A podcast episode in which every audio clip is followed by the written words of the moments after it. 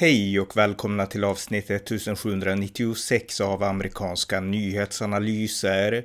En konservativ podcast med mig, Ronny Berggren, som kan stödjas på swishnummer 070-30 28 95 0. Här följer en uppdatering om det senaste i USA tillsammans med min svensk-amerikanske kollega Björn Nordström från Arizona. Varmt välkomna! Björn Nordström, välkommen! Tack så mycket. Vi ska podda återigen lite om det senaste i USA så att eh, du kan börja. Ja, jag vill faktiskt börja i landet Kanada, grann, grannlandet till USA. För vi har pratat om det här förut och det här är någonting som visar hur galet den här, hela den här transrörelsen är. Vi pratade ett antal månader sedan tror jag. Det är en lärare i, eh, i Ontario i Kanada. Ontario är då uh, där Toronto ligger. Och den läraren är en trans, i alla fall påstår sig vara en trans och har på sig en protes, jag vet inte vad det heter, uh, jättestora bröst, fejkbröst då som är, uh, vad ska man säga, uh, Z. Liksom, de är en halv meter långa ungefär. Man måste googla upp det här. Mm. Jag, jag minns att vi pratade om, om ja, henne för länge sedan. Mm. Jajamän, personen, läraren heter i alla fall Kyla Lemieux. Kyla Lemieux. Så om ni googlar upp Kyla Lemieux Ontario Canada uh, teacher så får ni massa bilder på det här. Och det roliga med här nu att, att den Kanada och dels eh, provinsen då, um, Ontario vet inte vad de ska göra med den här läraren. Först trodde de att läraren var helt allvarlig, att det var en trans som då, som då identifierades som en, en kvinna och en man som identifierades som en kvinna som hade liksom en meters långa bröst ungefär. Men nu visar det sig att personen i fråga är en man som går omkring klädd i helt vanliga manliga kläder utom när den går till skolan och bara blir en trans när den går till skolan. Så nu börjar Kanada komma fram till att det här är en man som driver med hela systemet, precis som jag tror att vi kanske nämnde, att det börjar bli folk som driver med det här för att visa hur galet det är. Problemet är att det finns ingenting de kan göra i Kanada nu därför att lagarna stödjer att han kan hålla på så här. Dessutom så är det en träslöjdslärare så han har då en liksom bröst som är då liksom, fejkbröst som är då en halv meter långa så han kan inte ens röra sig i, i träslöjdsklassen men ändå ska han undervisa träslöjd ungefär för att påvisa hur fullständigt galet allt det här är. Så att de vet inte vad de ska göra med honom. För jag, jag tänker bara nämna det som en rolig grej att de, det kommer fram att, att personen i fråga, mannen i fråga, driver med hela systemet. Mm, driver med boksystemet kan man säga. Precis, och det är det jag tycker är ganska roligt. Och jag vill bara nämna det, om ni kollar upp det här, det här är liksom någonting som måste ses alltså. Att det här blir en stor följetong och det har varit möten i kommunen, det har varit möten i provinsen och man vet inte hur man ska göra med det här. Därför att man kan inte säga åt personen att sluta driva med det här nu. Därför att lagarna som finns i Kanada stödjer precis det han gör. Ja, ja något annat? Jajamän. Um, jag läste att uh, vi har pratat ofta om, om södra gränsen, gränsen mellan USA och Mexiko. Men nu nämnde vi i en podd för ett par veckor sedan, några dagar sedan, att många nu eh, från New York framförallt börjar ta sig upp till kanadensiska gränsen. Nu är det tydligen kaos vid kanadensiska gränsen i Vermont. Swanton, Vermont. Jag bodde väldigt nära Swanton, Vermont. Gränsen som är där ligger, eh, ja, det ligger vid Kanada och många nu går, tar sig upp via Vermont upp till kanadensiska gränsen i Vermont 700 det är en 700 procent ökning på bara några dagar av illegala immigranter som ertappas vid kanadensiska gränsen nu vid, mellan Kanada och Vermont. Mm. Och det är tydligen riktigt rejält kaos där. De är inte vana med kaos där därför att de är vana med ordning och reda att det är personer från Vermont, USA och sådana, sådana som du, sådana som du. Precis, som åker upp och ska turista i Montreal i Kanada någon dag kanske. Men nu är, så de har ingen alls, vad ska man vana vid att det bara strömmar upp illegala immigranter. Så nu får de smaka på det också. Och på tal om illegala immigranter Joe Biden för ett par dagar sedan bara gick ut och skröt om.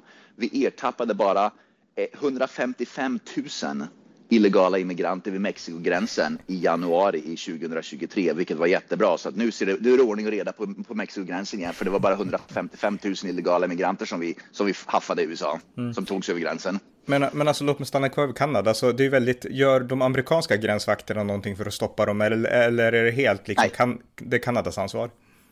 Det kan ha sans för. Jag menar, det kan ju inte, amerikan nummer ett så tror jag ärligt talat, alltså, jag menar, jag, jag själv vet ju inte hur det fungerar egentligen, men, men amerikanska gränsvakter, jag tror ärligt talat inte de bryr sig speciellt mycket för att de vill inte ha problemet på amerikansk sida. För att om det bara, om, om, om illegala immigranter smäller upp massa, vad ska man säga, tältläger på amerikansk sida, då blir det ju bara USA som får problemen. Mm. Utan min gissning är att de liksom bara vänder ryggen till och sen är det upp till Kanada och liksom reda ut vad de ska göra. Precis som vid mexikanska gränsen ungefär. Mexiko, om inte Mexikan, Mex, Mexiko bryr sig inte speciellt mycket om det, även om de säger att de ska bry sig om det. Då vänder de ryggen till det och sen så är det USAs problem. Jo, jo men alltså då, då hamnar man ju i samma skitlandkategori som Mexiko. Jag menar Mexiko är ett dysfunktionellt land. Jag menar USA borde vara bättre grannar än så mot Kanada. Alltså ni är ju liksom de närmaste.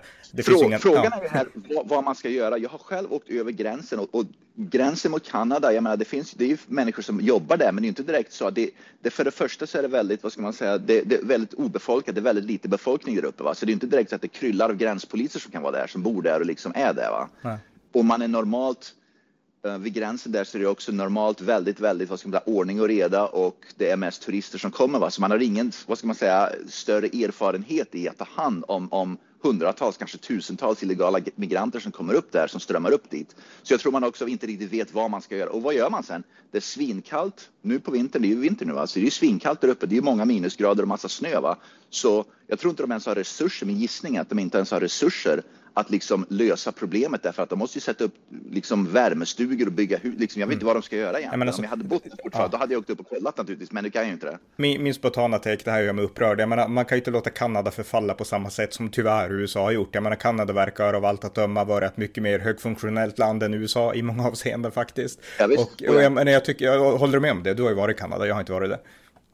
Och jag visste det. Lösningen är väl egentligen att, att det, det är egentligen upp gränsen skyddas ju då av federala myndigheterna, så det är egentligen upp till Joe Biden och uh, Justin Trudeau. Ja, vad Justin Trudeau måste göra. Att lösa problemet. Ja, vad Justin de Trudeau... lösa problemet. Ja, Vermont, mm. Vermont kan inte lösa, eller lokalpolisen har ingen, liksom, de, de, de kan inte lösa problemet lokalt. Det måste tas hand om, om, om federalt. Så det är nu Kanada skulle behövt en konservativ premiärminister som ringer upp Joe Biden och Precis. säger att du måste stoppa det här. Det hade hjälpt, skulle jag tro. Ab absolut gör det det. Men mm.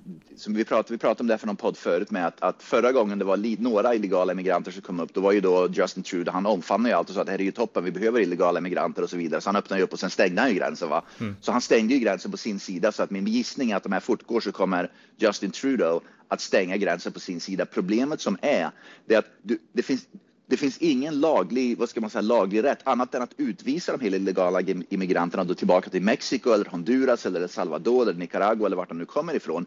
Det finns ingen, USA har ingen, vad ska man säga, legal juridisk rättighet att stoppa dem från att ta sig upp från New York till, till kanadensiska gränsen. Det, den, det kan man inte bara stoppa dem från att göra. Va? Nej. Frågan är vad gör man när de är vid gränsen? Va? Det är det som är problemet. Mm. Och det är ett federalt myndighetsproblem, inte ett Vermont delstatsproblem. Ja, men, men det här är ju tragiskt. Alltså Kanada kan ju inte få de här problemen. Då går ju väst under. Alltså både Kanada och USA förfaller liksom. det är lite så. Ja, och det visar ju också att, att, att Joe Bidens hans gränspolitik håller på förstö kan förstöra Kanada med nu. Va? Mm. Det har inte bara förstört massa delstater i USA, det håller på att förstöra Kanada med. Mm. Grundproblemet kvarstår, det är Joe Bidens gränspolitik. Ja. Mm. Eller avsaknaden av gränspolitiken. Ja, det varit en lång men viktig passus. Vi går vidare, något annat? Jajamän, uh, Kevin McCarthy som är ledare för representanthuset nu i alla fall, han har uteslutit att illegala immigranter ska få amnesti. Det är någonting, amnesti är någonting som Demokraterna vill ge illegala immigranter i USA och även då um, Joe Biden har varit inne på det spåret med. Men Kevin McCarthy säger att med, den nya, med, den nya, med det nya representanthuset nu efter valet så kommer så inte amnesti en fråga längre. Det är en icke-fråga så att det, det, kommer inte att ske under honom. Mm. Och det är ingenting som, som, som Joe Biden heller har juridisk rättighet att bara dela ut till alla, utan det måste, det måste ske via kongressen, inte via en, uh, en executive action. Mm. Ja, eh, något annat? Don Lemon, han som den då, den homosexuell svart, väldigt, vad ska man säga, känd um, reporter för CNN. Han är nu verkligen i hetluften. Han har visat sin rätta sida vad han tycker om kvinnor. Så att det, CNN, många anställda på CNN kräver hans avgång. Hans, hans morgonshow, det var någon morgonshow då han sitter då, naturligtvis, han är en stjärnreporter då för CNN, en av de få som är kvar då som, var, som är woke, mm. rejält woke. Han i alla fall, de hade en diskussion i hans morgonshow med, med ett par kvinnor som pratade om Nikki Haley. Och Nikki Haley är 51 år gammal och Don Lemon sa rakt ut att Nikki Haley är past her prime. Hon är för gammal. Kvinnor, kvinnor som är 51 år är för gamla för att bli politiker. Han sa att kvinnor är i sin prime, liksom är sin, i sina bästa år när de är 20, 30 och 40. De andra två kvinnorna som också CNN-reportrar blev rosenrasande under showen varav den ena bokstavligen ställde sig upp och bara gick rakt ut och sa att det är oacceptabelt, att han säger så. Don Lemon försvarade sig under showen sen och sa att om ni googlar upp och tittar på när kvinnor är i sina bästa år, då kommer ni se på Google, bokstavligt så nämner han Google, att kvinnor är i sina bästa år när de är 20, 30 och 40. 51 år, då är man för gammal för kvin som kvinna. Va? Så, de, så det är, folk är rosenrasande nu här, framförallt kvinnorna på USA. Uh, fortsättning följer nu är att Don Lemon omedelbart ursäktar sig. Han hittar på en skittaskig ursäkt. Han, liksom, han, hittar bara en, han, han, han hittar på en ursäkt nu varför han sa det och folk missuppfattar honom, bla bla bla. Och nu i alla fall, men ursäkten dög inte, det var bara, det var bara en mm. taskig ursäkt. Va? Den nya, uh, den nya uh, CEO, vdn då för CNN, vad heter det? Chris Licht tror jag han heter. Han i alla fall sa att uh, jag, sånt här ställer jag inte upp på, det här är bara liksom, det här är oacceptabelt. Så nu är pressen i alla fall och många av, av CNNs kvinnliga medarbetare överhuvudtaget har nu krävt att Don Lemon ska avgå, att han ska få sparken. Mm. I alla fall. Så han, och han, han blev också, förlåt, han, för sista grejen också, att han blev, Don Lemon fick inte vara med på sin egen show. Han blev, vad ska man säga, anpassad till utvisningsbåset dagen efter, så han fick inte sitta i sin egen show. Men det här visar just hur de här woke-rörelsen egentligen, precis som woke-rörelsen egentligen är rasisterna och de även nu visar att de hatar kvinnor och avskyr kvinnor. Mm. Men de har alltid under CNN, CNNs förra ledarskap så har de kunnat komma undan med att säga vad de vill om kvinnor. Mm. Men nu får de inte det längre för den nya CEOn har liksom satt ner foten att vi ska inte hålla på så här längre. Nu ska vi rapportera journalistik som det är. Ja, det är jättebra. Men, men alltså Don Lennon, han visar verkligen alltså, sin kvinnosyn. Alltså för kvinnor ska för honom, de ska vara heta och snygga och liksom i den ålder som tilltalar honom. Ja. Liksom. Och jag menar, det finns ganska många kvinnor i politiken som har varit äldre. Margaret Thatcher och många andra, de ja. spelade inte på liksom skönhet utan de spelade på liksom helt andra liksom egenskaper. Så jag menar, han är helt, ja. han har noll koll. Alltså det här är ju, alltså det är ju, han borde få sparken, utan tvekan liksom. Så att, uh, Karine Jean-Pierre som är då Vita husets talesperson, hon till och med gav under en presskonferens under en av Joe Bidens presskonferenser för bara, jag tror går eller förrgår, gav Don Lemon en rejäl peak. Hon sa att, hon, jag minns inte exakt vad hon sa, men hon sa någonting som att hon, hon själv, tror jag 48 eller något hon sa att jag själv måste vara liksom past my prime nu enligt Don Lemon typ. Så hon gav hon, Don Lemon en rejäl peak. Mm. Ja, ja. Mm. Så att det här, det här sitter inte väl med amerikanska folket. Och det du nämnde var som är väldigt viktigt, det är att de här woke-rörelsen, de ser människor bara på yttre attribut, med andra ord hudfärg, sexualitet, ålder och så vidare. Va? Mm. Konservativa rörelsen, de, och det nämnde du också lite här just nu, att, att som Nikki Haley, man tittar mer på, man bryr sig inte om vilken hudfärg hon har eller vilken liksom, ålder hon är. Är hon fortfarande kapabel? Naturligtvis, hon är ju kanon. Alltså, jag har ju sagt det flera mm. gånger, hon, borde vara, hon, hon och Ron DeSantis borde run. Men att man, konservativa människor tittar mycket, mycket mer. De fokuserar sig på vad har personen för kapacitet mm. att göra jobbet, liksom rent mentalt och intellektuellt. Mm, och jag skulle tro att det här kommer Nicke Helge kunna utnyttja också, så hon kan ju ha med det här Don Lemon i ett eget, liksom, egen reklam. Svarat på Don, ja, hon har redan svarat på Don, på Don Lemon med det här på, på Twitter, så man kan kolla upp en Twitter-tråd med Nicke Haley som har svarat på det här. Mm, just det. Ja, perfekt, ja, mycket intressant. Ja, något annat? Ja.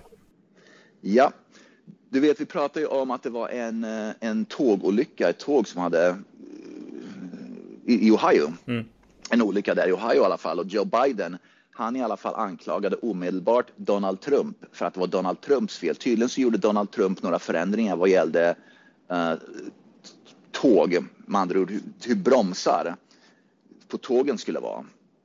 Så, Don, uh, vad heter han? Så Joe Biden omedelbart sa att att Donald Trump, det är hans fel därför att Donald Trump förändrade några policies som handlade om tåg. Men det som är bra att myndighetschefen för tågen i USA sa rakt ut att Biden, Biden gjorde misinformation. Det här hade ingenting med tågolyckan, hade, oavsett om det har med bromsarna att göra eller inte, så har det ingenting med Trumps policy att göra. Därför att bromsarna hade varit de samma på det här tåget i vilket fall oavsett om Trump hade satt in den nya regeln eller inte. Så hon gick rakt ut, vilket var väldigt intressant och dementerade att det Joe Biden sa stämde och sa tvärtom att det här är bara misinformation av Joe Biden, med andra fake news han, han sprider ut. Och det är också väldigt lågt av Joe Biden när den här olyckan har skett och i Ohio att istället för att börja reda ut det här och liksom börja då försöka hjälpa till. Han nekade Ohio hjälp förresten. Ohio ville ha emergency hjälp, men det fick de inte av federala myndigheterna. Biden sa nej, det är inte en emergency situation, ansåg Biden.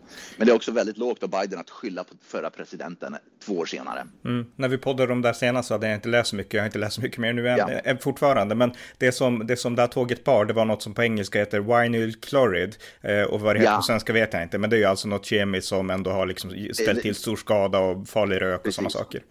Absolut, ett kemiskt farligt ämne, det är allt jag vet också. Mm. Och Marco Rubio har, jag vet inte om vi sa det också, men han har nu krävt att transportminister Pete Buttigieg ska avgå på grund av den här olyckan. Ja, just det. Pete Buttigieg. Jag minns inte exakt vad han sa, men han uttalade sig också. Jag tror jag kanske har någonting i tråden vi kommer tillbaka till här. Jag går igenom grejerna, men han uttalade sig också om någonting som sa någonting väldigt korkat om det här. Jag minns, jag hittar jag får leta om det, men mm. Buttigieg sa någonting väldigt dumt, väldigt oansvarigt om det här och det var det som gjorde att Marco Rubio reagerade. Mm. Så att Buttigieg öppnade också truten och sa något dumt. Och det visar ju också att de har inget intresse av att leda. De har bara intresse av att skylla ifrån sig och att på något sätt ja, ta oansvar. Mm. oansvar över hela. Ja, ja visst. Eh, ja, något annat? Ja, men vi pratar ju regelbundet om Ron DeSantis i alla fall och en skribent, en sån här woke-skribent och en av de här Vanity Fair, de här tidningarna, fall, bara för att visa hur galen vänstern egentligen är. Istället för att titta på vad Ron DeSantis gör. Han blev nu, eh, och det här är ny för mig, han blev i Vanity Fair så blev han jämförd med Genghis Khan av uh, av en vänsterliberal skribent. Genghis Khan var väl mongolisk krigsherre ja. eller något sånt där. Va? Men det visar också hur, att, att de fortfarande håller på i vänsterliberal media att bara göra jämförelser med de värsta personerna i hela liksom, världshistorien ungefär istället för att fokusera sig på vad gör egentligen Ron DeSantis i Florida som policies. Ja. Ja. I alla fall. Mm. Ja, något annat?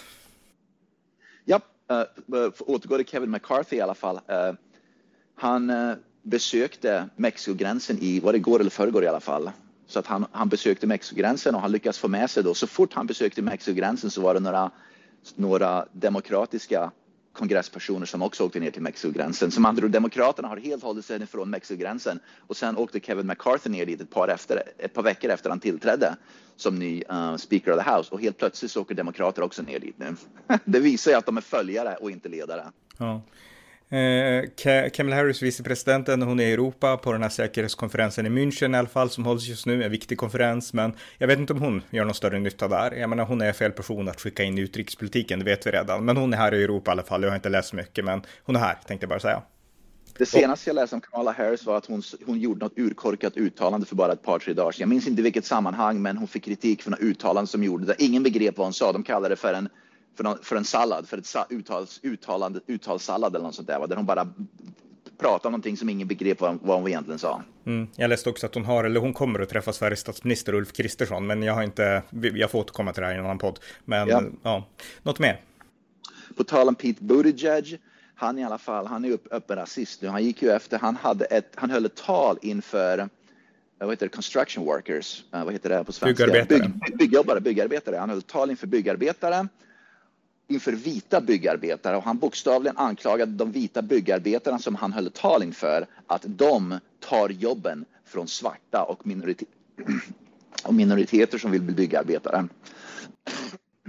Just det. Okay. Han öppet nu säger att, liksom att det vitas fel att svarta och, och minoriteter inte kan ta byggarbetars jobb. Det han helt missar själv, Buttigieg, inte bara att, att han liksom att han går efter då en viss hudfärg. Det han inte begriper själv det är att det i USA överallt i USA så är det ett, ett stort, ett, ett, en, en brist på byggarbetare. Som andra ord, om vita inte blir byggarbetare i USA, då finns det inga byggarbetare. Det är stor, det är stor arbetskraftsbrist på byggarbetare i USA, punkt slut. Inte minst i delstater som Florida och Arizona och Texas som växer så det knakar. Här är det enorm brist på byggarbetare. Det är liksom är, vem som helst kan bli byggarbetare. Va? Det har ingenting med hudfärg att göra, det är bara en enorm brist. Va? Mm. Så istället för att titta på det verkliga problemet, att den, hur får vi människor att vilja bli byggarbetare, då går han efter vita och anklagar vita för att ha fel hudfärg. Helt otroligt.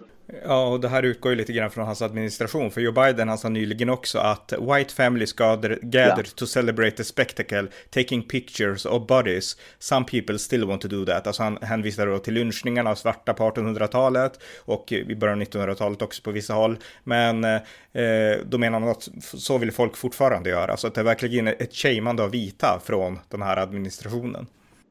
Och på tal om Joe Biden, Joe Biden träffade uh, den nya guvernören, den nya guvernören för delstaten Maryland är svart. Jag minns inte vad han heter, men det är i alla fall en svart man. Det är första gången Maryland har haft en svart guvernör. Och då träffades de och de hade en presskonferens och Joe Biden under, mitt under presskonferensen kallade guvernören, den svarta guvernören för boy, för pojke. Att använda ordet pojke för en, om en svart man i USA är, är är rasistiskt alltså. För normalt sett så under slaveriet så kallade vita slavägare, svarta vuxna män för pojkar, boy. Mm. Så Biden tryck, körde på det spåret. Va? Och det visar att han har totalt noll pale på, på liksom läget. Va? Han begriper inte att, att det är otroligt nedsättande för en, för en man överhuvudtaget att bli kallad pojke, men framförallt för en svart man. Men vänsterliberala vänsterliberal media. De hade Trump gjort det där, herregud, det hade varit huvudnyheter överallt och de hade krävt Trumps huvud på ett fat. Men när Biden säger det, då, liksom, då bara glömmer man, då struntar man i det. Mm. Eh, nu ska sägas att Wes Moore, som han heter, den här svarta guvernören då jag googlar, han är bara 44 år gammal och han ser rätt ung ut. Så att för Biden var han kanske en pojke. Ja. Men det hjälper ju inte, för jag menar, tänk på liksom, om Trump hade sagt så, jag menar, då hade det varit liksom Precis. hela det här pratet om lynchningar och liksom rasism och så. Och jag minns ju presidentvalet 2008 när Barack Obama kandiderade, han var ju den åldern då också, 44 eller någonting.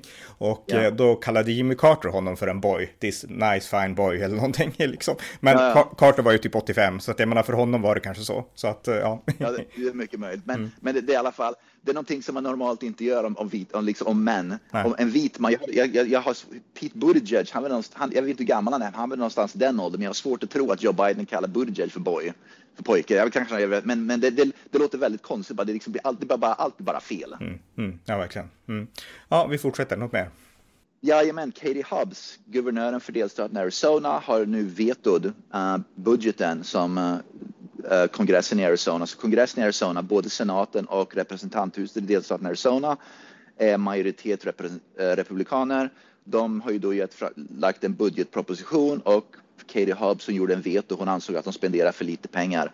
Budgeten som de la fram är 16 miljarder dollar, 16 miljarder dollar hon ansåg att det var för lite pengar. De behöver spendera minst 17 miljarder dollar. Anledningen att den republikanska kongressen och senaten la fram en 16 miljarder dollar budget var att de säger att det verkar som att det är en lågkonjunktur på G här i USA, så vi vill inte överspendera. Vi vill försöka ha, spara, spara lite pengar, så det blir en lågkonjunktur så har vi lite pengar i, i, eh, i plånboken kvar fortfarande. Va? Men hon sa att nu ska vi spendera mer än någonsin. Mm. Och det är väl där de, så nu, nu ska de försöka reda ut det där. Mm. Så redan nu så ser man att det blir ett problem här i USA, i, förlåt, i Arizona med mm. budget. Om, om, vi återvänder till tågolyckan förresten och Pete Buttigieg, för nu läser jag här på Fox News att en kongressman från Ohio, kongressman Bill Johnson, han pratade yep. med Fox News nyligen och var extremt kritisk till Pete Buttigieg som inte ens har kommit till Ohio för att besöka liksom, ja men platsen för olyckan och sådär. Så att uh, han är mycket kritisk till Pete Buttigieg.